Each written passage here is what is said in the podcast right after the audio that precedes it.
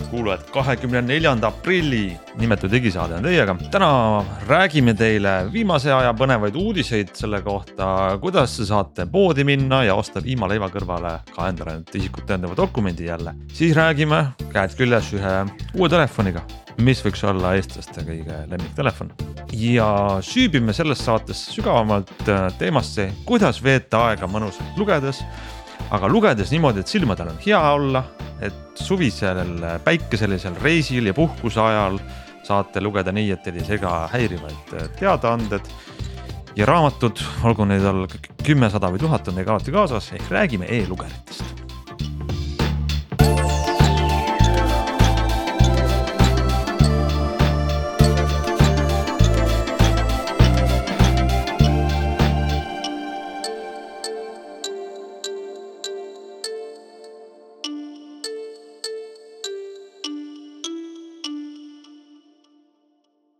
no nii, hakkame siis saatega peale ja tutvustuseks ka meenutan, kes on teisel pool mikrofoni täna. me oleme, meid on siin neli tükki, Hans Lõugas, Meelis Veljamäe, Henrik Roonemaa, Glen Vilure. ja võib-olla alustuseks siis praktiline teadaanne, kõik äh, kindlasti mäletate, et mõni aeg tagasi tuli väga hea uudis selle kohta. et kui te nüüd taotlete omale uue ID-kaardi, e, millega kaasneb tüütu kohustus minna politsei ja piirivalveameti büroosse järjekorda, siis uudis oli see, et väga hea, te saate selle Selverist kätte ja mõnevõrra hiljem järgnes uudis, et ei saa seda enam Selverist kätte, kõik need kaardid hävitatakse. meil ei ole kahjuks detaile, kas sõideti buldooseriga üle kaartidest või põletati ära või lõigati käärdega katki. igatahes kaardid hävitati. nüüdne uudis on, hakatakse jälle pakkuma äh, ligi neljakümnes Selveris üle Eesti Vabariigi võimalust kätte saada oma tellitud ID-kaarte. ID-kaardi väljastamine ei käi enam, ei käi enam ainult PPA-st no kas teate kõik Selveris, käite piima, leiba, ID-kaarti ostmas? No ID-kaarti kahjuks osta ei saa, selleks pead sa ikka olema kodanik ja või, või vähemalt resident ja siis äh, tegema ära vastavad protseduurid. mis sa ütlesid, vähemalt president? resident, resident, resident, resident ei no ega siin no... polegi ausalt öeldes väga vist pikalt ei ole rääkida, kui öelda, et, et tervitame seda uudist ilmselt. et nüüd jällegi väga hea on jah, see, miks see ära katkestati, vahepeal oli juriidiline mingisugune tohuvapohu, kus ei olnud seaduslikku alust nende väljastamiseks. nüüd lubavad siis äh, PPA esindajad, et jah, seaduslik alus on, kõik on korras, kõik on jokk ja, ja muidu ka hästi. ainuke soovitus on siit võib-olla see, et palun vaadake seal PPA lehel üle. Äh, Selveri on tegelikult palju rohkem kui, kui neid Selvereid, kust selle kaardi kätte saab, et võib-olla teie kodu kõrvalt ei saa, aga aga mõnest lähedasest kindlasti. igal juhul selles mõttes, tasub ka sinna minna tõesti sellepärast, kui on vaja kaarti kätte saada, sest muidu, kui minna, minna büroosse, siis seal büroos on ikkagi üsna noh, pehmelt öeldes on seal palju rahvast alati ja, ja mida vähem seal on rahvast, seda paremini on nendel, kes lähevad büroosse ja siis, kui teised lähevad Selverisse, on seal vähem rahvast, nii et igal juhul on see mõistlik äh, mõte teha. nii on ja ainuke asi on, loodame, et me ei pea paari nädala pärast uuesti seda teemat kajastama infoga, et midagi on muutunud nii, kodanike, kodanikele tähtsad teadaanded edasi antud, äh, lähme nüüd võib-olla siis ka sisulisemate teemade juurde. Meelis on meil saates täna selliste värskete kogemustega, et sa oled äh, oma käel järgi proovinud ühte uut Samsungi telefoni.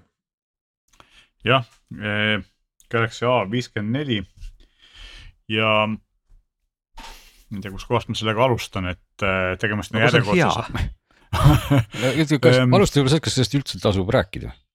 no tasub nagu sellepärast rääkida, et, et tema eelkäijad, eh, kui ma siin paar aastat tagasi rääkisime sellisest mudelist äh, nagu Galaxy A viiskümmend kaks S, siis äh, see oli ma ütleks, et siiamaani Samsungi parim telefon, parima hinna ja omaduste suhtega telefon, mida nad kunagi teinud on ja. ja see, mis hinnaga nad seda vahepeal müüsid, äh, oli kõigile arusaamatu ja uskumatu ja, ja selles mõttes. Äh, enne kui see müügilt kadus või nüüd tegelikult võib-olla mõnes kohas seda leiab veel, aga äh, maksis ta alla kolmesaja euro ja ta oli selle raha eest fantastiline telefon ja tegelikult, miks me nendest A-seeria keskklass telefonist räägime, on see, et kui kõik räägivad ja, ja kogu see ajakirjandusele meeldib rääkida S-seeriast ja siis ühtlasi ka nõu-, nendest äh, polditavatest, eks ole, siis tegelikult see A-seeria on see, mida inimesed tegelikult ostavad, eks ole. mul tuleb see meem tuleb meelde, kus keskel on mees, kes vaatab selja taha mööduva daami suunas, kes on siis seal S-seeria Samsungi telefon ja siis tema enda kaaslane vaatab mehele väga pahaselt etteheitelt otsa ja see tema enda kaaslane on siis see A-seeria telefon yeah., mis tegelikult on väga hea telefon, aga lihtsalt millegipärast pilku püüab see S-seeria rohkem. just, see meem on nagu täpselt õige, et ja tegelikult, kui me räägime pilgu püüdmisest, siis äh, sel aastal on Samsung teinud sellise liigutuse, et nad on siis, äh, kuna S23 seeria muutus disaini poolest natukene selliseks kumeramaks ja kaamera see nii-öelda välja ulatuvad osad on natuke teistsugused. kui sa võtad telefoni kätte ja paned ta kõrva äärde, siis kõik näevad, et selle ahah nagu iPhone'iga, et kui sul on see kolmnurkne kaamera moodul, siis tead, et see on uuem või kui, kui vanem, eks ole, et. ja seal on samamoodi, et need eh, eraldi välja lõigatud kaamera eh, kohad on täpselt samasugused, kogu see tagumine külg on täpselt samasugune nagu S-seeria kahekümne kolmel, eks ole, sa saad aru, et ahah, tegemist on uue ja ägeda Samsungi telefoniga. Ehm, mis mulle ei meeldi selle korpuse juures on see, et tagumine külg on klaasist ja see on meeletult libe. ehk siis seda käes hoida on üsna tüütu. Ehm, teine asi, mis on veel, mida nad on muutnud, on see, et ta on läinud natukene madalamaks ja natuke laiemaks. Ja ma ütleks, et see teeb käes hoidmist natuke ebamugavamaks. ja muidugi kolmas asi, mille eest nagu muidu võiks öelda, et, et noh, Samsung eh, tahab kõvasti teenida, aga tegelikult vaadates, mis sel aastal toimub, siis kõik telefonid lähevad kõvasti kallimaks ja ka see on läinud kõvasti kallimaks. Ja selle nagu see soovituslik käehind on, on nelisada üheksakümmend üheksa eurot aga kui me võrdleme, et vaakumis mulle tundub, et see on nagu kallis, et kui eelmine mudel tuli viiskümmend eurot odav, odavamalt müügile ja praeguseks maksab ta noh, sinna kolmesaja viiekümne kanti. siis tegelikult on, tegelikult on ikkagi ka see, et ka teised on kõvasti hinna poolest kallimaks läinud ja kui me võtame siin selle, selle Xiaomi kolmeteistkümne Lite'i, millest ma hiljuti rääkisin sama hinna juures, siis ma ütleks, et Samsungi telefon on tegelikult parem näiteks kaamera poolest ja tarkvara poolest ja tarkvara toe poolest, mis Samsungil on pikk, eks ole, et. et võib siin ju küll äh, kurta hinna üle, aga, aga samas ega Samsung pole ainus, kes hinda tõstab, eks ole. ja noh, mis on parem võrreldes eelmise mudeliga, et miks, miks võib-olla võiks osta uut ja mitte vana, on see, et kaamera on äh, jupmalt parem ja kaamera on ka kiirem. ehk siis äh, see on nagu, nagu eeliseks ja aga naljakas on see, et Samsungi enda Exynos protsessor, eks ole, mis on natuke kiirem kui eelmise aasta mudelil, aga umbes sama kiire kui sellel üle-eelmise aasta A52 S-il ehk siis tegelikult kahe aasta jooksul me ei ole väga kuskile jõudnud, natuke läksime tagasi, nüüd tulime nagu sama koha peale tagasi, et. et sellist nagu jõudluse vahet ei ole, aga. aga no, võib-olla samas... energiasäästlikkus on paranenud. no mitte väga, aga samas ta kestab ikkagi sihuke poolteist, kaks päeva, kui aktiivselt kasutades vähem. no vaata, et aku on siin suur, siin on viie tuhande milliampertunnine aku. ja laadimine on jätkuvalt aeglane nagu Samsungi kombeks kakskümmend viis vatti. aga samas sama aeglane on ka S23-l tavalisel odav, see kõige väiksemal mudelil, eks ole, nii et. kas see IP reiting oli ennem ka, eks ole, kuuskümmend seitse on see? minu teada oli jah, ja noh, sada kakskümmend hertsi AMOLED ekraan, ekraan on Just, nagu Samsungi ekraanid ikka väga hea, et ekraani no, kohta ei saa. sada kakskümmend hertsi, ma tahtsin öelda, et jällegi sa ütled, et see on A-seeria telefoni hind on viiesaja on tõusnud, kallis, aga need näitajad on ikkagi sellised ju, nagu need OnePlusi tippmudelid vanasti tegelikult. ja, et tegelikult on äh, olemas ka, tegelikult on olemas ka natuke lahjemate kaameratega ja natuke koledam versioon A kolmkümmend neli, mis vanasti oli nagu sihuke kahesaja viiekümne eurone mudel ja nüüd on ta kolmesaja viiekümnene. seal on nagu näha, minul seda ei ole ise proovinud, aga ma tean, et see on müügil ja seal on nagu, nagu seal odavamal A-klassi seerial ikka, et ka seal on saja kahekümne hertsine ekraan aga raamid on natuke suuremad ja Samsung on teinud ilmselgelt meelega selle, et nad on sellel A34-l selle selfie kaamera väljalõike teinud selleks tilgakujuliseks, mitte selleks ümaraks auguks, eks ole, mis nagu näitab tast odavama mulje.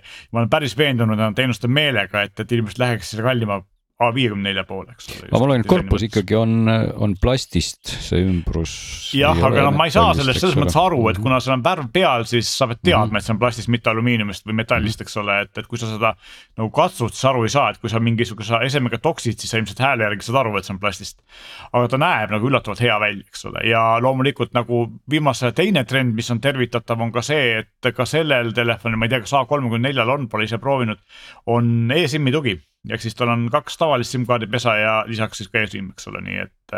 et see ju algas pihta alguses ainult väga kallitel mudelitel ja nüüd on ta ikkagi tiksub sinna alla viiesaja eurostele mudelitele järjest peale, nii et. aga A, A viiekümne neljal on ka see jah? jah, just mm. -hmm. nii et selles mõttes, et noh iseenesest vaakumis võiks öelda, et, et see on nagu liiga kallis telefon selles, mis ta on. aga kui me paneme, jätame kõrvale need mudelid, mis on tehtud eelmise paari aasta jooksul ja paneme kõrvale need asjad, mida siin praegu saab sama raha eest selle aasta mudelitest, siis tegelikult on tegemist täitsa okei telefoniga. noh, probleem on lihtsalt selles, et, et telefonid lähevad kallimaks, aga samas lähevad kallimaks kõik muud asjad, maksud tõusevad ja kas meil tegelikult. enamus inimestel, kellele see telefon mõeldud on, kas neil on tegelikult võimalik see endale lubada, eks ole, et selles on nagu konks, mida me ei tea. vaadates nende odavate, nii jah ei, ma hakkasin mm. ka huvi tundma seal, mis seal nagu redelipulkadel allpool toimub, sest kui on A viiskümmend neli, A kolmkümmend neli, kas on ka seal mingi A kahekümnega ka või Eestis? no A kakskümmend neli on, mida vist veel ei ole, A neliteist on, mis on selline kõige-kõige lihtsam, selline midagi, ütleme sada viiekümne, saja viiekümne alla kahesaja euro mm. igal juhul. et ähm, et tegelikult see, see, kui odavatel telefonidel on juba need ekraanid, noh, saja kahekümne hertsised ekraanid on nagu standardis, et see on. on jah, tegelikult ka just hiljuti siin paar nädalat tagasi tulid äh, Xiaomi'l välja Redmi Note seeria, mis on alati olnud selline tipptasemel või kõige populaarsem, päris odav telefon, mida osta, eks ole, et, et kõige, kõige soodsam, mida soovitada kannatab. ja nendel on ka saja kahekümne hertsised ekraanid, nii et ainult, et vahe on siis selles, et, et ka seal Samsungil on samamoodi, et ta ongi sada kakskümmend hertsi, sa ei saa seda lükata näiteks kümne hertsi peale, eks ole, et mõnedes. ta ei ole varieeruv. jah, kui sa vaatad videot, siis ta läheb küll kuuekümne peale või niimoodi, aga, aga ta jah, ei ole, ei ole nagu nii sujuvalt dünaamiliselt muudetav, et ta võtab võib-olla sellepärast natuke rohkem voolu, eks, et aga iseenesest täiesti mõistlik telefon jah, et ka A nelikümmend, A neliteist iseenesest muidugi ei ole saja kahekümne hertsise ekraaniga, aga ta on ka kõvasti-kõvasti soodsam ja ja noh, viiekümne megapiksline kaamera viie tuhande milliamprine aku, et see on selline telefon, mis eh, noh, koolilastele sobib väga hästi. küll on nagu kummaline, see on, käib kõikide nende odavate telefonide kohta, et mingil ebaselgel põhjusel panevad tootjad sinna taha mingeid imelikke kaameraid alati, seal on kas mingisugune makrokaamera või mingisugune mis iganes äh, eraldi välja toodud sügavuskaamerad veel, aga kunagi ei panda sinna midagi asjalikku, ehk et, et võiks, võiks selle makrokaamera sealt tegelikult üleüldse ära unustada. mis Glen on asjalik kaamera? No, asjalik kaamera on näiteks telekaamera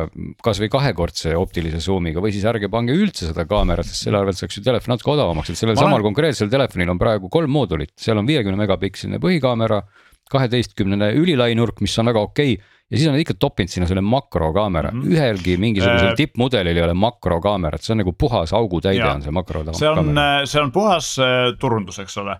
ja siinkohal peab ütlema, et proovisin neid kaameraid ja erinevalt mõnest teisest, siis seda makrokaamerat tegelikult kannatab kasutada, ma olen nõus Gleniga, et, et seal tegelikult no.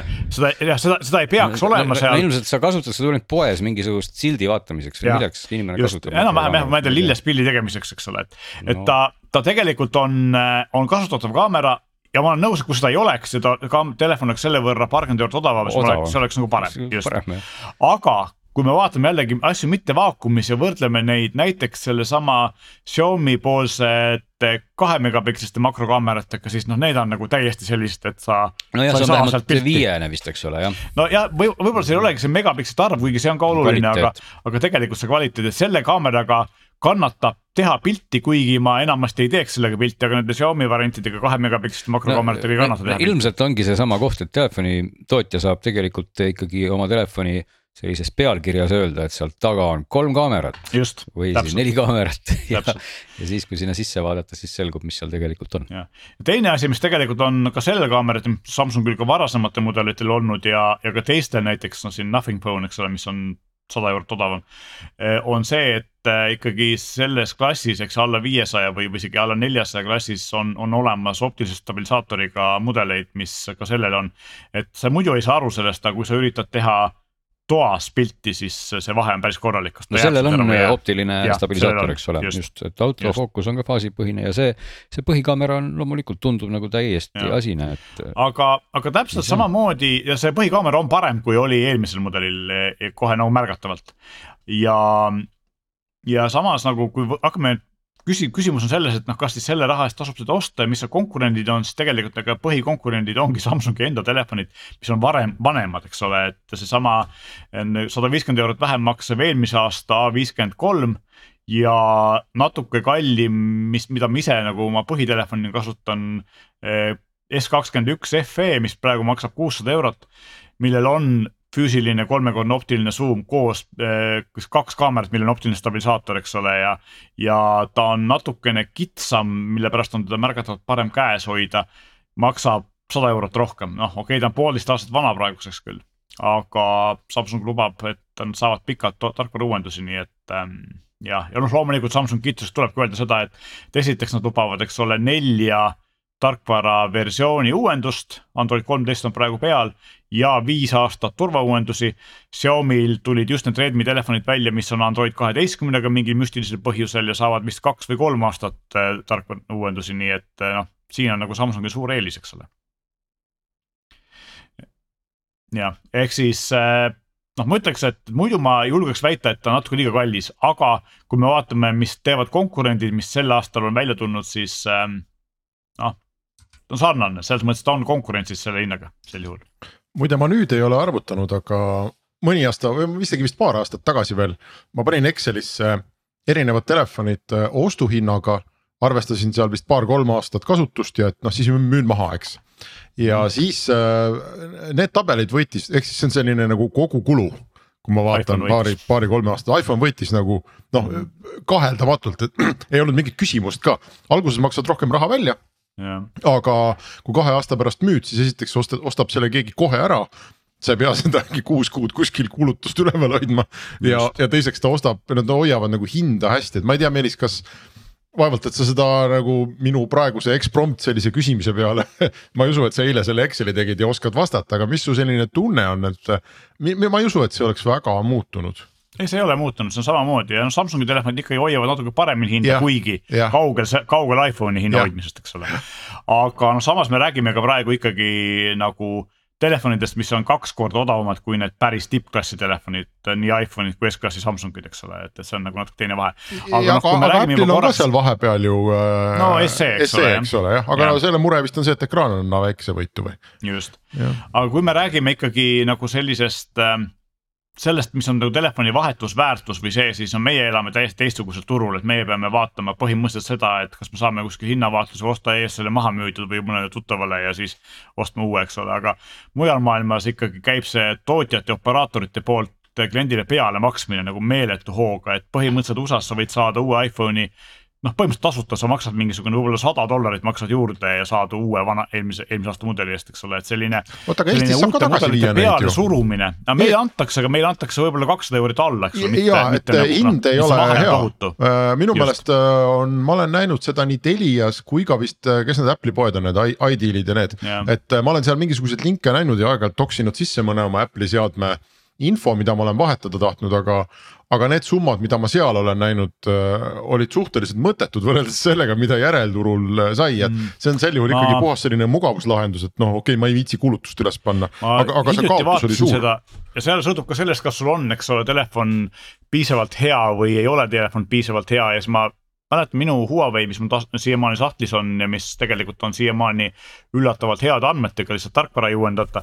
siis selle eest pakuti mulle äkki kuus eurot või midagi sellist. mis asja nagu, kuus, ei mul nii hull mul oli kuusteist. Apple nii vähe ei pakkunud. aga, aga, aga selles mõttes ongi see, et tegelikult äh, kõik äh, operaatorid ja kõik suuremad äh, poed, Samsung ise, Euronix ja nii edasi pakuvad tegelikult ühe sama vahendaja kaudu seda vana telefoni tagasiostmiskampaaniat, eks ole, eriti koostöös tootjatega reeglina.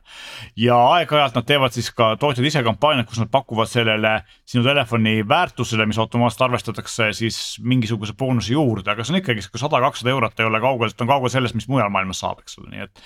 et kindlasti tuleb sul odavam eh, või mitte odavam, vaid kasulikum müüa see kuskil portaalis maha ja siis eh, osta uus telefon ja, ja katsu sa seal äh, enda kaks aastat vana Redmi'd müüa äh, versus kaks ja. aastat vana iPhone'i müüa, et. Äh, et see, ma arvan, et tasub nagu selline kogukulu jah välja arvestada, noh kuigi arusaadav, et kui sa täna pead ikkagi telefoni eest välja käima, eks ole, kuussada versus üheksasada või ma ei tea, kolmsada versus seitsesada mm et äh, see, see loeb ka. no aga... tegelikult äh, selle jutu lõpuks võib-olla see kogu see olemus ongi praegu see, mis meid kõiki siin majanduses kimbutab, et äh, kui vahepeal oli see aeg, kus telefonid läksid paremaks ja odavamaks, eks ole, said nagu ikkagi väga hea hinna eest väga hea telefoni.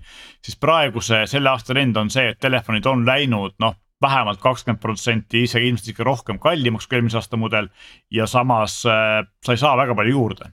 et sa saad nagu peaaegu samasuguses telefonis, Samsung on natuke parem kui eelmine.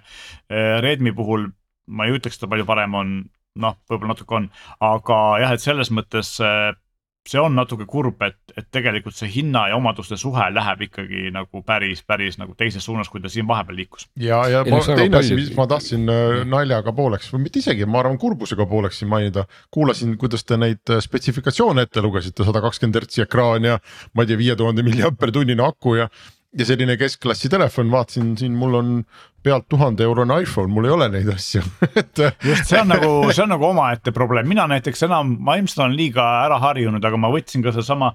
Huawei siin üks päev ja, ja siis ma jõudsin järeldusele, et kuigi tal kõik andmed on väga head siiamaani just see, et tarkvara ei uuendata, siis paremad kui muideks need viiesaja eurosed telefonid mis praegu tulevad, eks ole, ja mina maksin ta eest viis aastat tagasi vähem, siis ei ole tal saja kahekümne hertsist, isegi mitte üheksakümne hertsist ekraani, eks ole, ja, ja vot see kogemus, et ma sain aru, et ma enam ei taha kasutada kuuekümne hertsist Androidiga telefoni, sest et see sujuvuse vahe on meeletu ja, ja ma võin jälle öelda, et mina ei saa, noh, ma ei saa aru lihtsalt ja. sellest, et, äh, et kui ma olen noh, et kasutad oma mõned nädalad iPhone'i juba, siis silm harjub ära ja vot see on miski, millest sa ei oska puudust tunda. ja eks see silm võib harjubki ära, teine asi on see, et ma usun, et ka iOS töötab lihtsalt sujuvamalt, nad on selle tarkvaraga natukene nagu ära fake inud, eks, jah. ma lihtsalt tahtsin teie jutu kõrvale. ühe asja, ma ei saa üldse öelda ühte asja, ma ütleks ühe sellise asja ka, et enamik inimesi, vähemalt sellised inimesed, kellega mina olen kokku puutunud, võib-olla see ei ole küll enamik, tegelikult ei vaheta oma telefone ei aasta, kahe ega isegi kolme tagant, et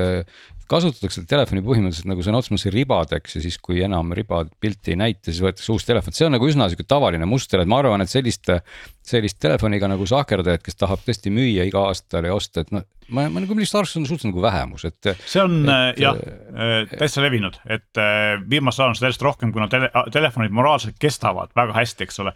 et ja. ma kolmas kord toon selle oma Huawei telefoni siia sellepärast, et kui seal ei oleks Äh, Android kümmet, kui seal ei oleks Android kümmet ja noh, see on võib-olla ka sellepärast, et, et Huawei on teatavasti bännitud, nad ei saa lihtsalt tarkvara uuendusi teha mm. -hmm. siis äh, ma arvan, ma kasutaks seda hea meelega siiamaani, kuna sellel on ülihea kaamera, piisavalt kiire protsessor, väga hea ekraan.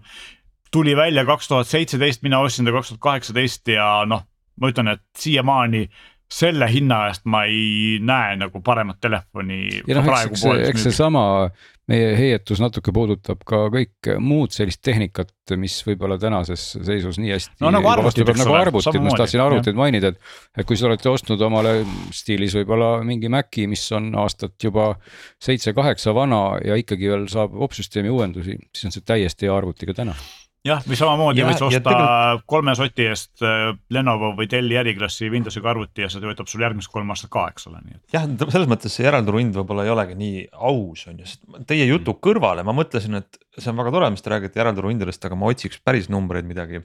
ja lihtsalt esimese otsingu peale leidsin Samsung S kakskümmend kaks Ultra, see kõige parem mudel.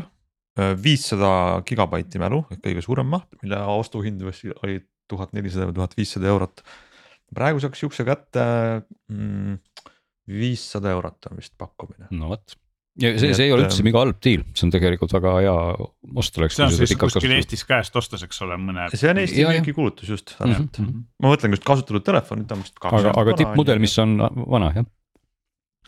nii et. aga mitte väga vana mitte väga vana, et kas see on õiglane hind, viissada eurot tuhande viiesaja eurose telefoni eest, võib-olla ei ole. see on nagu aga... see, et kui sa oleks müüja, siis sa ütleks jah, et nagu Hendrik just ütles, et äh, iPhone'i müüa on palju mõistlikum, sest et lihtsalt väärtus on suurem. kui sa oled ostja, siis on jumala hea diil, eks ole. just. no vot, selline sissevaade siis, kuidas on lood meie maal telefonidega mm,. aga lähme järgmise teema juurde. ja, ja kuidagi juhuslikult äh, me oleme nüüd mulle tundub see kuidagi hooajaline teema e, e-lugerid, e-lugerid, sellepärast et e, tegelikult see on kunstlik muidugi, et miks ta on hooajaline teema, aga kuidagi minu jaoks seostub see alati see, et lähed reisile, suvel puhkad, sõidad ringi, esiteks on seda mõnus raamatuid kaasas kanda e-lugeris, teiseks. millist ekraani on parem vaadata päikesel suvel kui e-ink ekraani, ei ole sellist. Nii et selles mõttes on meil väga hästi ajastanud, et valmistume varakult äh, suveks Meelis, sa oled neid erinevaid viimaseid e-lugereid siis natukene vaadanud, võrrelnud. ja no vot siin on nagu ongi see, et mina olen olnud pikalt e-lugeri või siis e-inkekraani fänn ja, ja olen kasutanud Kindlit, ma ei oskagi öelda, noh kümme aastat võib-olla mitte, aga, päris pikalt. ja tuleb öelda, et, et nüüd on mul sattus lihtsalt ette viimane Kindle Paperwhite, mis on see Amazoni eellugeja, mida on tehtud kaks tuhat kakskümmend üks aasta oktoobrist, aga kuna Amazon vahetab oma mudeleid niimoodi sellise kolmeaastase intervalliga, siis see on tegelikult jätkuvalt kõige uuem Paperwhite. ja Paperwhite on teinud läbi väga suure, tegelikult kõik Kindle e-lugerid on teinud väga suure arengu läbi just nagu oma omadustes ja disainis ja. ja mul endal on ka mingi neli aastat praeguseks äkki vana Kindle Oasis, mis oli tol hetkel nende kõige kallim, kõige kangem mudel. enne seda oli mul vana Paperwhite ja siis, kui ma seda Oasist Saksamaal poes nägin, siis ma sain aru, et seda mul on vaja miks, mis selle, mis selle Oasise juures oli? tol hetkel. vana Paperwhite ja tol okay. hetkel oli tegelikult kaks asja, üks on see, et äh, ma olin siis, praegu ma olen võib-olla veits vähem, aga ma olin tohutu füüsiliste lehepööramisnuppude fänn ja teatavasti teistel kindlitel seda ei ole. ja teine asi, mis oli tol hetkel Oasisel, ei olnud Paperwhite'il ega tavalisel kindlil, on see, et äh, mis on praeguseks muutunud, on see, et äh, Paperwhite'i ekraan oli süvistatud, ehk siis noh, kui te kujutate ette, ta oli sügavamal kui raam. ja see häiris mind tohutult kahe, kahel põhjusel, esiteks on see, et kui ma loen niimoodi, et mul mingi lamp paistab natukene nurga alt kodus, eks ole, õhtuti näiteks. siis äh, ta tekitab sellise varju peale osale ekraanile ja see see segas mind, võib-olla paljusid inimesi ei sega ja teine asi on muidugi see, et ongi, kui sul ei ole füüsilisi lehekülje pööramise nuppe, siis tegelikult Eh, selle lehekülje le, lehekülje vahetamine samamoodi see süvistusekraani puhul ei olnud nii mugav, eks ole. ja kolmandaks on see, et lihtsalt eh, Oasis oli tol hetkel seitsmetollise ekraaniga. Kui mu mälu mind vette oli kuus koma üheksa, tavaline Paperwhite oli kuuene, mulle meeldis see suurem ekraan. ja lisaks on ta siis metall, metall alum, alumise poolega, metalltagumise korpusega, kus on selline, selline, selline nagu kõrgendus, kus saab väga mugavalt käest kinni hoida, käega kinni hoida, nii et. et ta oli nagu niivõrd palju mugavam, aga kuna ta oli nagu uskumatult kallis ja tol hetkel oli see vahe piisavalt suur, et äh, ma arvan, et nendel inimestel, kes palju lugesid, tasus Oasis osta praegu. nüüd selle viimase Paperwhite'i valguses äh,. ma ütleks, et Oasis on muutunud täiesti mõttetuks, noh, tal on küll jätkuvalt olemas äh, füüsilised need äh, äh, lehekülje pööramise nupud aga see on ka suhteliselt kõik, sest et esiteks on Paperwhite'il nüüd eh, noh, mida mina olen ammu taga igatsenud ja me oleme siin rääkinud, et kõik võiks olla ühe, ühe kaabliga laetavad, eks tal on USB-C pesa tekkinud, siiamaani teistel kõigil micro USB-d. ekraan läks kuue tolli pealt kuuekümne kahe, kuue koma kaheksa peale, mis on tegelikult natuke selline kahe otsaga asi, sest et äh, osadele inimestele meeldib just väike e-luger, mida on mugavam taskusse panna või kuskile väiksemasse kotti panna, eks ole. aga see kuue koma kaheksa tolline ekraan mahutab proovisin järgi täpselt viiskümmend protsenti rohkem teksti, ehk siis ma pean selle võrra vähem lehekülgi vahetama. ja kui ma olen äh, väga terava pilguga ja ma vaatan väikse fondiga loen raamatut siis, viiskümmend protsenti on ikka väga suur vahe, eks ole. aga ka suurema, suurema fondi puhul on see vahe väga suur. et need on nagu need eelised ja lisaks sellele, et ta on nüüd läinud, protsessor on muudetud ja ta on library's viiskümmend protsenti kiirem väidetavalt ja lehekülgede pööramisel kakskümmend protsenti kiirem ja see lehekülge pööramine on tõesti märgatavalt kiirem. ja lisaks on siis see, et äh, mida vanasti olnud ja mis mu Oasisel on ja nüüd on ka kõigil teistel Kindlitel on, kuna ma kuulan ka päris palju audioraamatuid, siis tal on Audible'i tugi, eks ole, nii et äh, tal ei ole kõrvaklapipesa, aga ma saan ühendada sinna Bluetooth klapid või kõlari ja kuulata audioraamatuid ja teatavasti Amazonil on kaks asja, üks on see, et kui ma ostan sama raamatu nii e-raamatu kui audioraamatuna, siis ta süngib, ehk siis ma saan samast, samast kohast minna sujuvalt üle kuulamise ja lugemise peale ja vastupidi. ja teine asi, mida Amazon teeb, mis on eriti kaval trikk on see, et äh, kui sa ostad e-raamatu, siis sulle pakutakse päris tihti võimalus see audioraamat osta väga soodsalt. ja üks asi näiteks noh, ongi see, et sa, aga sa pead sel juhul noh lugema, oskama või tahtma lugeda ingliskeelset kirjandust või saksakeelset, eks ole, et. et ühe näite, mille ma tõin, ongi see, et kui võib-olla, kust me jõuamegi siin tegelikult selle juurde, mis siin meie raamatute turul toimub. käisin ma siin aasta tagasi umbes juhuslikult ühes Eesti Tallinna raamatupoes ja nägin seal ühte raamatut, mis on ühe Ameerika autori oma selline autobiograafiline raamat. ja tundus, et oh, et ma tegelikult tahaks seda lugeda ja, ja ma loomulikult kahekümne üheksa euroga seda paberraamatut osta ei tahtnud, esiteks mul ei ole selle jaoks ruumi, teiseks see maksis päris palju, ma ütlesin okei okay,, et ma ostan e-raamatu. ja loomulikult Eesti kirjastajad e-raamatuid väga tihti välja ei anna, eks ole, ja ka sellest raamatust ei olnud e-versiooni ja siis ma läksin koju. kuna see raamat oli mul jätkuvalt peas, mõtlesin hea küll, et kui Eesti kirjastaja mulle seda müüa ei taha, siis ma vaatan, mis äh, Amazon pakub. ja kui Eesti, Eesti paberraamat maksis kakskümmend üheksa eurot, siis Amazonist ma sain selle kuue Briti naelaga, kusjuures see oli tol hetkel suhteliselt uus raamat, nii et ta nagu ei olnud mingi vana.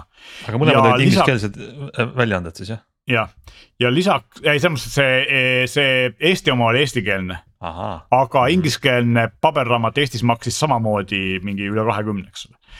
ja lisaks Amazon pakkus mulle sellest samast raamatust audioversiooni pluss kolme naelaga, nii et ma sain nagu põhimõtteliselt üheksa naelaga sain ma nii e-raamatu kui audioversiooni.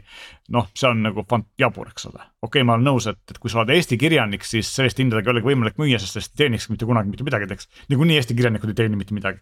aga, aga see vahe on lihtsalt nii tohutu ja, ja vahe ongi selles, et sa lihtsalt pead oskama võõrkeeles lugeda või tahtma seda teha isegi, kui sa oskad, eks ole. see on, see on nagu see barjäär. kui nüüd võrreldagi just Kindlit, ütleme siin Pocketbook ja kes siin veel on, Kobol vist lugeja, et. et on see nii vist, et Kindle neid Adobe DRM-iga faile ei söö, eks ole, et kui nüüd ei need söö. on meil raamatupoes just. kuskil, siis nendega. aga Eesti teha. raamatud ei ole DRM-iga mis asi on Adobe DRM, Glen, ma hakkasin kohe mõtlema. see on see kaitse, mis on siis nagu raamatule. koopia kaitse. kus, kus kust sa ostad selliseid raamatuid? no tegelikult välismaised, näiteks Kobo e enda pood müüb mm -hmm. ja mhm. paljud teised müüvad, just e-puub on, e-puub on tegelikult ju see, mida Eesti kirjastajad kasutavad, on nii-öelda tööstusstandard, et kõik teised peale Amazoni kasutavad seda formaati. ja enamus suuri raamatupoode või kirjastajaid kasutavad siis Adobe DRM-i selle peal, et seda ei saaks siis nii-öelda crack ida või just mm. -hmm. aga, aga Eesti raamatud just, aga eesti on... kirjastajate raamatu siis põhimõtteliselt saad konvertida läbi selle kasutajakonto me... kindlisse sisse, eks. nüüd me jõuamegi järgmise asjani, et, et tegelikult vanasti oli selleks vaja teha natuke keerulisemaid liigutusi, sul pidi olema arvutis mingi vastav soft jupp, kas Calibre või mingi mõni muu, millega said siis suhteliselt lihtsalt, aga siiski noh, sa pidid tundma seda asja, protsessi, kuidas seda teha ja see oli tüütu. siis nüüd on see asi tehtud natuke lihtsamaks, Amazon teatas, et nemad toetavad nüüd ka uute Kindlite puhul EPUB formaati, mis on tegelikult selline, ma ütleks, et see on vale, aga see on nagu natukene selline selline kahe otsaga asi. et nad toetavad siis EPUB formaadi konvertimist ja niimoodi, et teatavasti, kui sa ostad omale Kindle'isse, saad omale Kindle Kindle e emaili aadressi, mille kuju on kasutajanimi kindle.com, kuhu sa siis saad saata oma dokumente, sest tegelikult see on mõeldud nagu dokumentide saatmiseks, Wordi dokumendid, PDF-id ja nii edasi. aga nüüd sa saad saata sinna ka EPUB formaadis faile. et see on üks variant, et sa lihtsalt saadad selle raamatu omale meili peale ja siis ta ilmub sulle maagiliselt Kindlisse. teine variant on see, et Amazonil on olemas brauseri laiendus, kuhu sa saad tirida selle selle raamatu ja ta saadab sulle Kindlisse ja kolmas variant on see, et kui sul on olemas Kindli Androidi või iOS-i äpp, siis sa saad ka sealt vajutada seda Androidi või iOS-i jagamise nuppu ja otsida üles raamatu ja siis saata sinna konto peale endale selle. Need kaks viimast on aga..., on mõnusad, et saad ka internetist pikema artikli saata kindlasti just. endale lugemiseks. aga siin probleem on selles, ma proovisin ja seal on ikkagi väiksed äh, probleemid layout'iga, noh, üks asi, mida näiteks ei näita, ma, ma kasutasin ostetud eh, Eesti Raamatupoest ostetud e-raamatut. päris uut selle aasta oma ja üks asi, mida näiteks Amazoni peale konvertimist näita, ei näita mulle lehekülje numbrit, näitab seda location'it ja näitab protsenti raamatust, aga ta näitab mulle lehekülje numbrit. teine asi on see, et ta kasutab vaikimisi Eh, justified layout'i, ma ei tea, kuidas eesti keeles on, aga see tõmbab ekraani peal laiali, eks ole, ja kui autor on mõelnud, et see peaks olema tegelikult paremale joondatud ja vasakule joondatud, siis eh, ta tõmbab sinna vahet sisse teksti ehk siis sellised. see, eh, see võiks nagu tähendada ka seda, et kui nüüd valida, ütleme erinevate lugerite vahel, Kindle versus siin Pocketbookid, midagi muud. siis kui sa nüüd jääd ainult Eesti raamatute lugejaks, siis ilmselgelt Kindle'il nagu väga suuri eeliseid, kui sa nüüd suuremat ekraani vaatad. no üks suur eelis on, üks suur eelis on hind no kindel omab sada viiskümmend eurot või see ei ole nii või? no vot, küsimus on jälle, kus sa ostad, eks ole, et seesama konkreetne Kindle Paperwhite kõige uuem, mille, mis minul siin testida oli, selle eest maksti sada kolm eurot tol hetkel ja see on see ilma okay. reklaamideta versioon okay,. Amazonist no te saaks Amazonist oli, mis aastaid tagasi oli sada viiskümmend, ma vaatasin. just, et ta praegu ka, tavahind on sada kolmkümmend üheksa ja, ja, siis. mis on ikkagi gigasel... kallim kui konkurendid ja. tegelikult. kuueteist gigasel versioonil on sada kuuskümmend üheksa või jah ja,, midagi sellist ja see on veel see signature edition, millel on mm. palju mälu ja ja lisaks äh, juhtmevaba äh, laadimise tugi on, on veits veel kallim, aga mm -hmm reklaamidega versioon, mis vaatasin, saab ka nüüd Eestisse tellida, vanasti ei saanud, maksab üheksakümmend kolm eurot praegu kampaanias, põhimõtteliselt mõte on see, et nagu kõigile Amazoni asjadele teeb Amazon väga tihti mm. oma toodetele väga suuri alesid. ja no ma ei tea, minu arust normaalne Pocketbook maksab ju pea kakssada eurot no saja neljakümne, viiekümne kandis on vist ka siin, aga. ma olen päris kindel, et seda ei kannata kasutada, aga okei okay., et seal on mingid resolutsiooni ja, ja. ta on kehvema resolutsiooniga on Pocketbook ja ta on väiksema ekraaniga. kasutada nii väikse resolutsiooniga e-lugerit, aga jah, et selles mõttes mina ütleks, et sinna vahel on ikkagi kahekordne. kuidas, oled sa ka e-lugeritega seda siis proovinud, et ütleme, et meie keskkonnad siin Eestis on olemas meil selline tore koht nagu Ellu näiteks, mis raamatukogust laenutab raamatuid ja mis kõik on siis loetavad veebis, et kas kas, kas nende e-lugeritega on teoreetiliselt võimalik ka veebisisu niimoodi lugeda või ikkagi mitte? no ega, ega tegelikult ta on brauser, aga ega ei saa, et see ei ole, ei ole normaalne nii, kogemus. et selles mõttes sellist veebilahendusega raamatu lugemist selle jaoks kindlasti e-luger ei sobi Need e-lugerid ei sobi ja selleks ongi ikkagi tahvel või telefon mis mulle endale üldse ei meeldi nagu,. mis on mõnes nagu totter, sest meil on siin vist ja. Elisa pakub raamatuid ju laenata ja, ja neid kohti äh, nagu on, kõik on veebis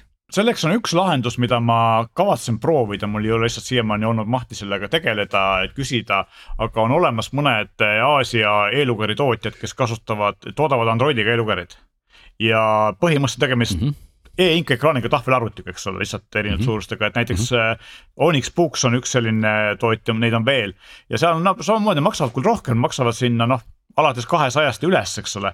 aga kuna tegemist on Androidiga, seal on peal Play Store siis põhimõtteliselt saad sinna installida Elisa raamatu, Kindli äpi, Kobo äpi, mis iganes muu asja libi, eks ole, nii et, et selles mõttes äh, ma kavatsen seda testida, siis ma kindlasti räägin sellest. sellepärast, et noh, seni noh, kui me rääkisime siin nagu raamatutest, äh, need on ikkagi ostetavad, eks ole, need ei ole ja. laenutatavad, kõik raamatud, mida me täna Eestis e saame laenata, ei ole e-lugeriga loetavad. Just.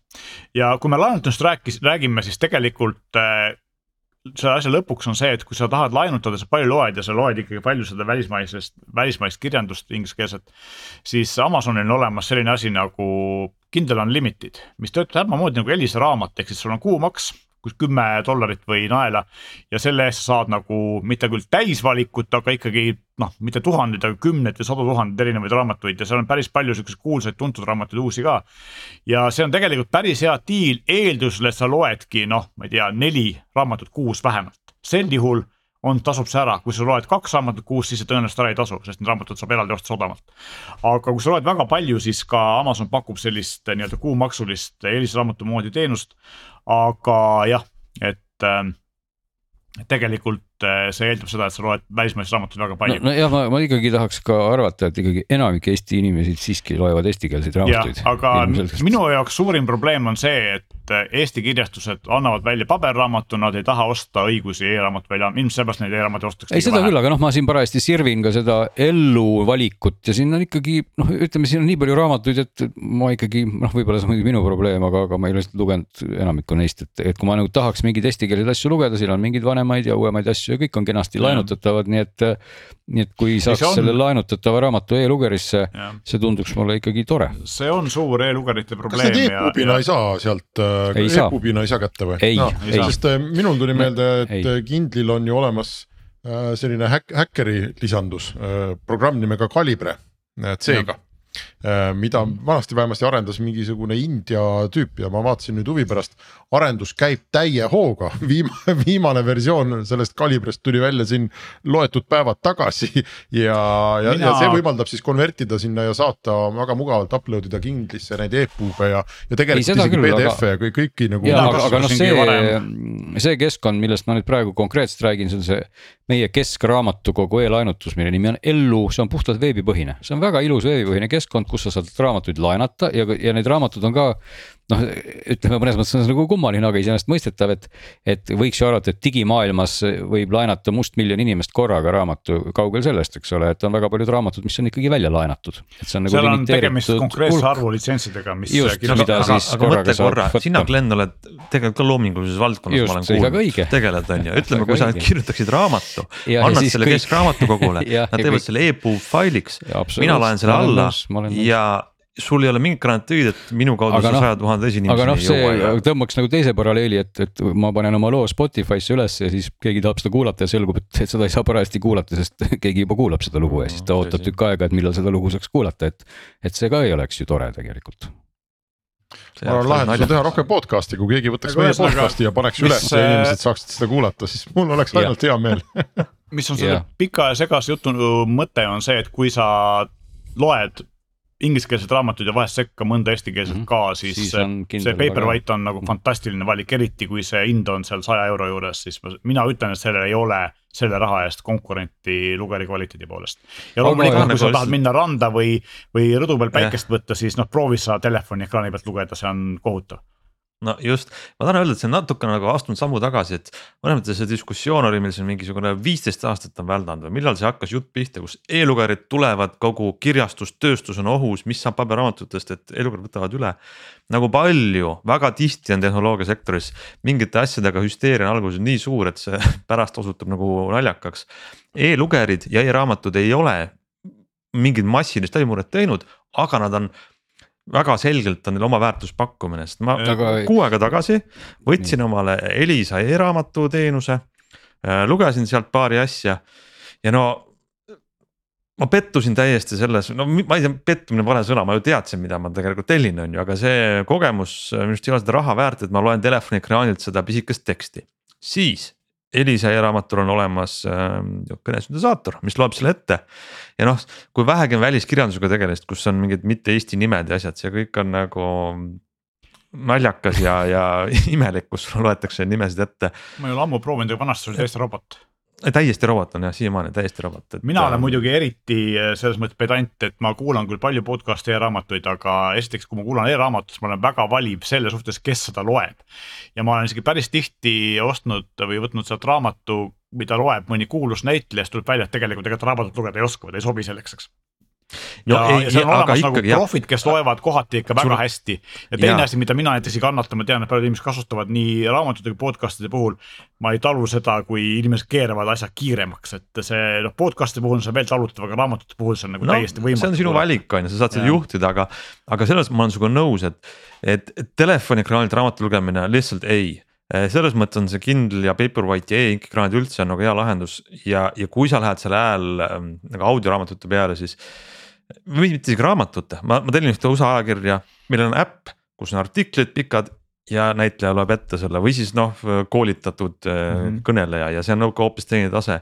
et neil kõigil on oma nagu roll, aga see ei tähenda, et nagu paberkirjastustööstus oleks äh, sellest on... ümber kukkunud, sest et nagu me rääkisime, sa lihtsalt ei saa e-puubraamatuid niimoodi levitada no. Raamatud on täiesti ohtu. erandlik asi, sellepärast et ajakirjad on surnud, USA-s pandi just äh, siin eelmisel nädalal pandi kinni viimane paberil ilmuv äh, korralik arvutiajakiri, suur uudis oli, eks ähm,. DVD-d äh, on surnud, CD-d on surnud, et tehnoloogia on nagu käinud igal pool, kõik noh, ma ei tea, faksid on surnud, eks ole. ja kaugekõned on surnud ja no mis iganes meil need muud asjad on. isegi postkaardid on nagu väga kahtlases seisus, aga, aga raamat on jäänud ja ta on peaaegu nagu ainuke ja ma arvan, et korraga, et et, et Kindle ongi nagu mõnes mõttes süüdi selles. sest et äh, jah, ta on suurepärane seade raamatute lugemiseks, aga samas kahjuks raamatu lugemine normaalsel moel nii-öelda e-kujul eeldab, et sa ostad endale saja viiekümne eurose äh, monofunktsionaalse seadme ja see on lihtsalt ja. enamike inimeste jaoks nagu. no, no samas peab piisavalt siin... palju lugema, see peab piisavalt palju huvitama ja. samas on siin aspekte veel, kui Henrik juba puudutas sellist toredat aspekti, et meil kaovad füüsilisel andmekandjal asjad ära ega inimesed tihtipeale ei ole väga sellised ratsionaalsed oma ostudes ja ma olen täiesti veendunud, et raamatute ostmine on üks nendest asjadest, mida võib näiteks võrrelda vinüülplaadi ostmisega, mis tulevad vaikselt tagasi, inimestele meeldivad lihtsalt asjad et, et see, neile mööbel. meeldivad, neile meeldivad asjad, raamatu leheküljed, raamatute lõhn, lehe aga teile ei, keeramine aga ei meeldi nagu Ja- kas see aga on. tagasitulek Len on lihtsalt mingi noh, okei okay, jah, kui sa vaatad absoluutnumbreid, siis. siis vinüülplaatide müük äh, kasvab ja teeb igal Kasvab, aastal korralik, aga, aga noh, see on nii mõttetu osa kogu muusika tarbimisest. see, aga, aga noh, ta siiski jõua- kasvab, kas see muidugi, et kas ta jõuab No no, jah. kuskile miljonitesse, on nagu iseasi, aga see, et ta üleüldse tuleb tagasi, see oleks tundunud kolmkümmend aastat tagasi täiesti no aga, aga täielik raamatuga ei ole seda ja ma ei, mina tegelikult ka ei on oskagi öelda., tegelikult on, sest et ka e-raamatute müük on vähenenud ja paberraamatute müük on tõusnud ja mingi Mhm. statistika järgi praegu on noh, ma ei tea, kus palju varem oli, aga paljud, väga palju pole tõusnud, aga Amazonis samamoodi, et vist äh, e-raamatute müük on kakskümmend viis protsenti ja füüsiliste raamatute müük seitsekümmend viis protsenti. et iseenesest Aga- ma, ma ei taha seda öelda üldse seda, et et mulle see Ei, see nagu väga meeldib et, et ma Aga tegelikult samas- väga hindaks seda, et saab lugeda e-raamatuid, sest see, see kõik on ju niisugune suur looduse raiskamine, et miks me peame trükkima mingeid asju ja siis eh, neid ladustama kuskile, et, et noh, kuna see tekst on ju digitaalsel kujul niikuinii olemas. aga, aga paraku inimesed nagu rahakotiga hääletavad, kui neile meeldivad eh, päris asjad. ja aga minu arust on see väga huvitav tegelikult mõelda, et äh, millise tehnoloogia trajektoori raamatud jälgivad, arvestades Kindlit ja Vaporwhite'i, võtame kaks eeskuju. üks on see, mida Glen tõi näiteks vinüül jah, ta on alles, neid trükitakse juurde, aga no ta on ikkagi selle protsendipunkti juures olev niši teema, ta ei kao ära, aga ma ei usu, et ta kasvab sellest palju suuremaks. teine näide äh,, kino. meil on miljon võimalust vaadata Kino. sarju, aga kinod ei kao kuhugi, inimesed tahavad kinos vaadata filme. kas raamatud nagu on selles mõttes ikkagi, neil on nagu midagi enamat, kui lihtsalt ja. loen. kas see aga... raamatu edasiandmine, jagamine on seal mingi sotsiaalne funktsioon, et kumba trajektoori ma arvan, raamatuid Ants ostetakse kingiks ja e-raamatut on väga nõme kinkida Just. kellelegi. aga ma ütleks ka ikkagi seda, mis puudutab vinüüli võrdlust, siis äh, nii raamat kui vinüül on mööbel, mis tähendab seda, et raamat on sul riiulis, sa vaatad seda, see on tore asi mm. -hmm. vinüül on ri- riiulis, sa vaatad seda, sa ei, sa ei kuula seda mitte kunagi, kui sa ei ole tõsine fänn. enamus inimesi, kes selles nii-öelda vinüüli müügi tõusus on, on äh, siis selle vinüüli ostnud, nad seda mitte kunagi ei kuula, siis nad saavad selle vinüüliga kaasa ka MP3-e ja nad kuulavad seda ja mina Jah. teen sama asja selles mõttes, et mul on olemas päris mitu eh, paberraamatut, mis mul on riiulis ja mida ma vaatan ja mul on needsamad raamatud ostetud kummalisel kombel hea hinnaga ka e-raamatuna ja siis ma loen neid, eks ole. vaata, ma samasugune asi öelda, on. ma ütlen kiirelt ühe saladuse, aga see jäägu ainult meie vahele, on ju. mul on paar vinüülplaati, aga mul ei ole mängijat. mul on ka üks ärge seda, ärge edasi öelge aga ma toon sinna veel ühe, ühe samalaadse võrdluse võib-olla, miks noh, see on ka ilmselt paljude võib-olla muusikainimeste kiiks, et kõik tänapäevased muusika tegemise seadmed on olemas arvutis, nad on virtuaalsel kujul olemas, nii-öelda VST-d või, või AU pluginid. aga sellegipoolest ma ei suuda vastu panna ja ma kogu aeg ostan omale uusi süntesaatoreid. Ja ma ei jõua nendega eriti mängida, aga nad on mul olemas, ma olen. sisekujunduselementideks või? Nad lihtsalt kogunevad ja kogunevad, sest mul on nagu vastupandamatu kihk neid omada, sest et nad on päris asjad, ma saan seal nuppe keerata, ma saan mõnikord sealt jube ägedaid sound'e kruvida, olgugi et seesama asi on arvutis sees. see päris asi, mis on sul nagu päriselt olemas, mingisugune vidin, isegi kui sa seda ei kasuta kogu aeg. see teadmine, et ma nüüd võin minna ja kohe seda nuppu keerata, see on samasugune teadmine nagu, et mul on see vinüülplaat ja ma võin seda nüüd vaadata ja nuusutada ja lugeda, see on äge. just, aga selle e-raamatu teema lõpuks üks asi, mida ma ei puudutanud, kui me rääkisime reisile kaasavõtmisest ja, ja sellest, et see on nagu üks seade, mis töötab, teeb ainult ühte asja, et üks asi ongi see, et see on väga hea, et see on seade, mis teeb ühte asja, sa saad oma telefoni koju jätta, minna parki lugema ja sul ei tule teavitusi, eks ole. väga hea. teine asi on see, et äh, aku, et nagu päriselt selle konkreetse uue Muidugi. Paperwhite'i aku kestab kümme nädalat, kui see wifi ja Bluetooth välja lülitad, see on kümme nädalat, see on nagu noh. ma ei tea, sa jõuad selle jooksul mitu-mitu raamatut läbi lugeda, eks ole. ja keegi noh, ütleme lõpetaks ka ikkagi seda, tahaks siis kellelegi koputada kusagile otsvikule või südamele, et õudselt äge oleks küll, kui siis saaks ikkagi ka laenutada raamatuid oleks lugeris, siis, siis isegi mulle tunduks, et ma isegi ka võib-olla vaataks, et oma süntesaatorite kõrval võiks olla see luger ka, et.